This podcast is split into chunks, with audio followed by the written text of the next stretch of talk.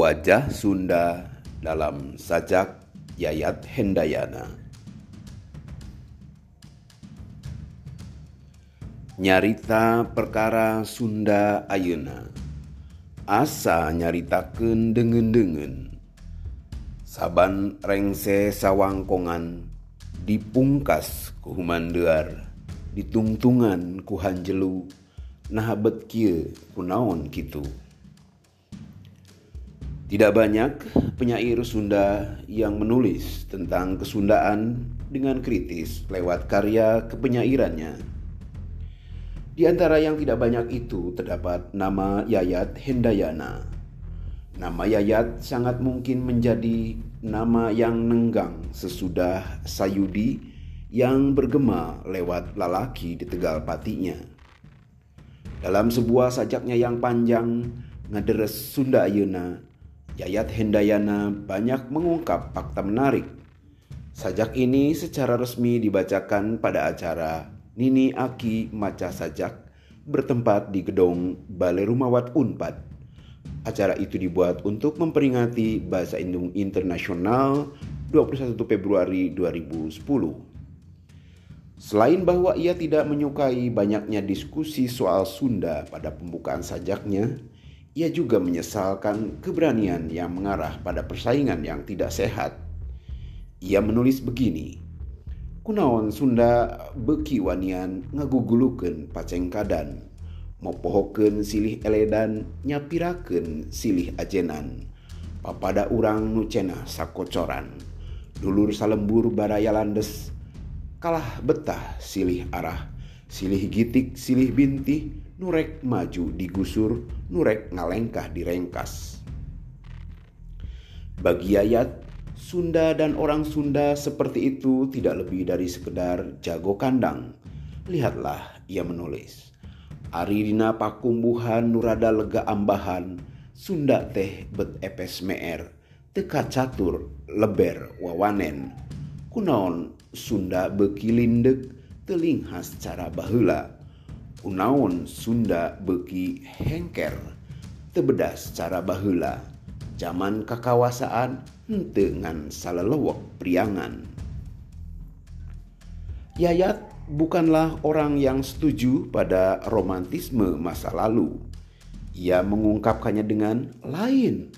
Lain kudu mulang deui kamangsa mangsa bihari dapuguh ges lawas kaliwat mual datang kudi sambat juga secara tegas ia berujar, Hente, hente kudu salin jinis, ngajirim jalma bahula, di papantes didangdanan cacah siga jiga minak, somah sina jiga pangkat. Baginya itu hanya aksesoris yang ujungnya sangat pendek dan mentah. Sina bisa sampurasun sangkan apal karena rampes. Aksesoris itu bukannya tidak perlu, malahan mungkin saja dibutuhkan sebagai penanda identitas.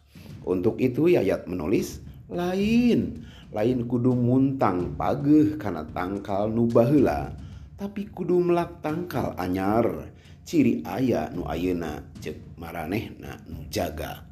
Hanya saja ia mewanti-wanti dengan hente tekudu tipe pereket nyekelan akar nupa solengkrah satungtung urang can wawuh. Akar naun nupa balatak dapuguh pagaliwota antara akar jeng orae bagi ayat perlu kehati-hatian untuk itu karena akibatnya bisa fatal. Nu bisa macok mun urang bongo Yayat tantinya mempertanyakan romantisme kepada kejayaan Sunda yang terasa antah berantah. Mengagungkannya laksana barang pusaka. Coba simak tulisannya ini. Kunaon Sunda bet-betah ngajimat ke nubahela dibungkus di jen isim, dipuhit di pusti-pusti. Sebab baginya hal seperti itu bukan saja tidak berguna, dekaden dan menggelikan. Tulisnya ana dibuka usina gorehel teh tai kotok di lebuan.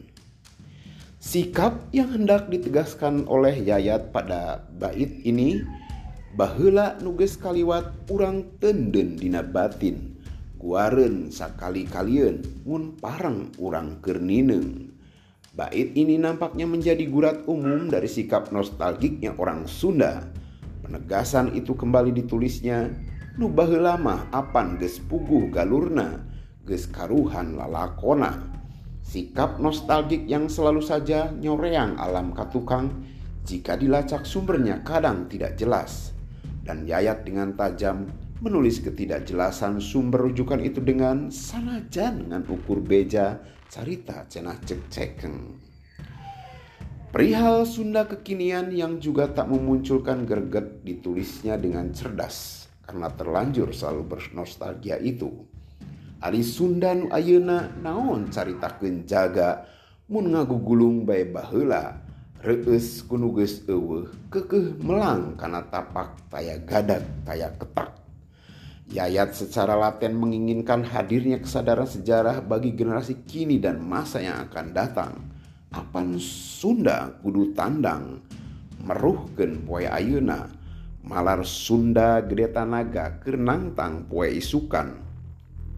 Baginya harapan itu bukan terletak pada kejayaan Sunda di masa lalu. Harapan mah ayah dijaga lain nyampak di bahula baris kahonta hentena kumajek ketak Ayeuna. Orang yang selalu saja terbelit masa lalu dipandangnya sebagai orang yang berjalan mundur. Yayat menulisnya begini, lamun Sunda yang maju, atuh ulah lempang mundur. Orang yang berperilaku seperti itu selain ganjil juga akan berakibat fatal. Da punduk mah temataan, nupuguh kalah tabrakan, pageduk jeng dulur sorangan. Tidak dalagor tiba baranting, antukna eleh ku capek lempreh di jajalanan dilindes kudengen-dengen. Kondisi seperti ini sangat disesalkan. Nyarita perkara Sunda Ayuna nyaritakeun lalakon nu lengkah. Pada bagian ini seolah sedang membenarkan adanya adagium Sunda sebagai Sundak karena keharap ukur sajeje katukang kilometeran Kondisi yang demikian sangat tidak bisa diharapkan karena teapal di poe ayuna linglung ka poe isukan. Kita seperti juga pembaca lain tentu saja memiliki pertanyaan yang biasanya umum dikemukakan. Untuk siapakah seorang penyair menulis puisi? Baladanya Yayat Hendayana mungkin tidak begitu menarik bagi sebagian orang, tapi juga menarik bagi sebagian yang lain Entah siapa yang sedang dibidik Yayat Hendayana dengan sajaknya ini. Si masyarakat yang serba canggung ini. Keserba canggungan karena teapa dan menjadi linglung itu karena sikap yang nostalgik tadi. Yayat Hendayana menutup sajaknya dengan maskul. Dabongan ngagugulung bae poe kamari. Nukuduna ges disimpen dina lomari.